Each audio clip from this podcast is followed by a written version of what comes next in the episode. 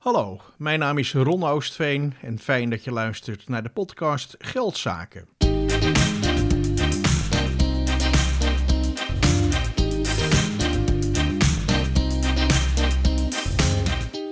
Deze podcast informeert je over alle zaken die met geld te maken hebben.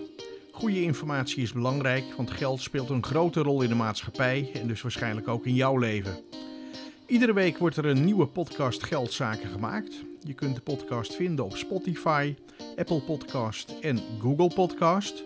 Maar natuurlijk ook op de website geldzaken.nu. Vind je het leuk? Neem dan een abonnement zodat je geen aflevering hoeft te missen. Meer informatie over deze podcast, maar natuurlijk ook over andere onderwerpen, kun je vinden op de website geldzaken.nu. Deze week gaat de podcast over de mogelijk financiële steun van de overheid voor de HEMA. Bij HEMA voelen we ook dat alles nu even anders is. We kunnen niet met z'n allen naar buiten, dus gaat ons leven vooral binnen verder. Dat de Nederlandse staat sommige bedrijven de helpende hand toesteekt in deze tijden van corona is natuurlijk prima. Die hulp moet wel echt nodig zijn. Er was terecht veel verontwaardiging over het eerste hulpverzoek van Booking.com, terwijl het geld daar tegen de printer leek te klotsen. Waar je veel minder over hoort is dat het moederbedrijf van de Praxis, Maxeda, werktijdverkorting en belastinguitstel krijgt. Dat terwijl het in de afgelopen periode 41% meer omzet heeft gemaakt, omdat de mensen massaal aan het klussen zijn geslagen. Er was grote verbijstering toen begin juni bekend werd dat de Nederlandse overheid financiële steun overweegt aan de HEMA. Als je de berichten in de media leest, dan heeft het ministerie van Economische Zaken in ieder geval zakenbank Lazar opdracht gegeven om te zien op welke manier de overheid een rol kan spelen bij de redding van de HEMA. Volgens mij moet eerst de vraag worden beantwoord of je als overheid een rol moet spelen bij het overeind houden van de HEMA. De rekening van zo'n redding komt uiteindelijk namelijk terecht bij de belastingbetaler.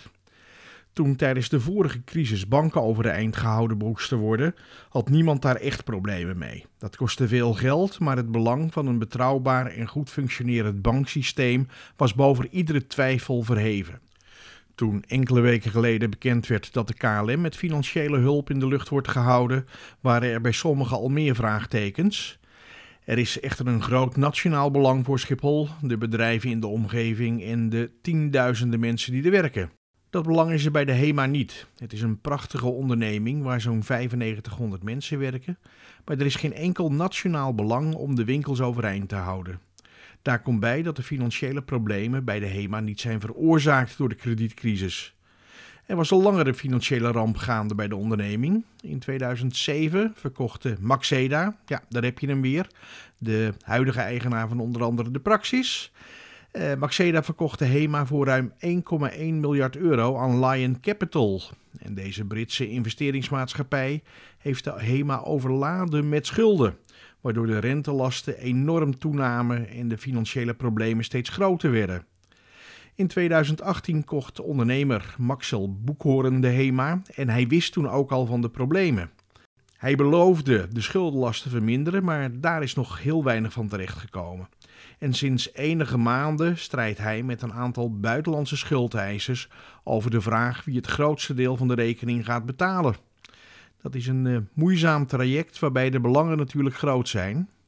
En toen kwam daar ineens de coronacrisis, waarbij de Nederlandse overheid bedrijven die in financiële nood verkeren steun geeft. Boekhoren moet het als een buitenkansje hebben gezien om zijn problemen met de HEMA op te lossen. Gratis geld van de Nederlandse belastingbetaler. Dat moet de overheid dus niet toestaan.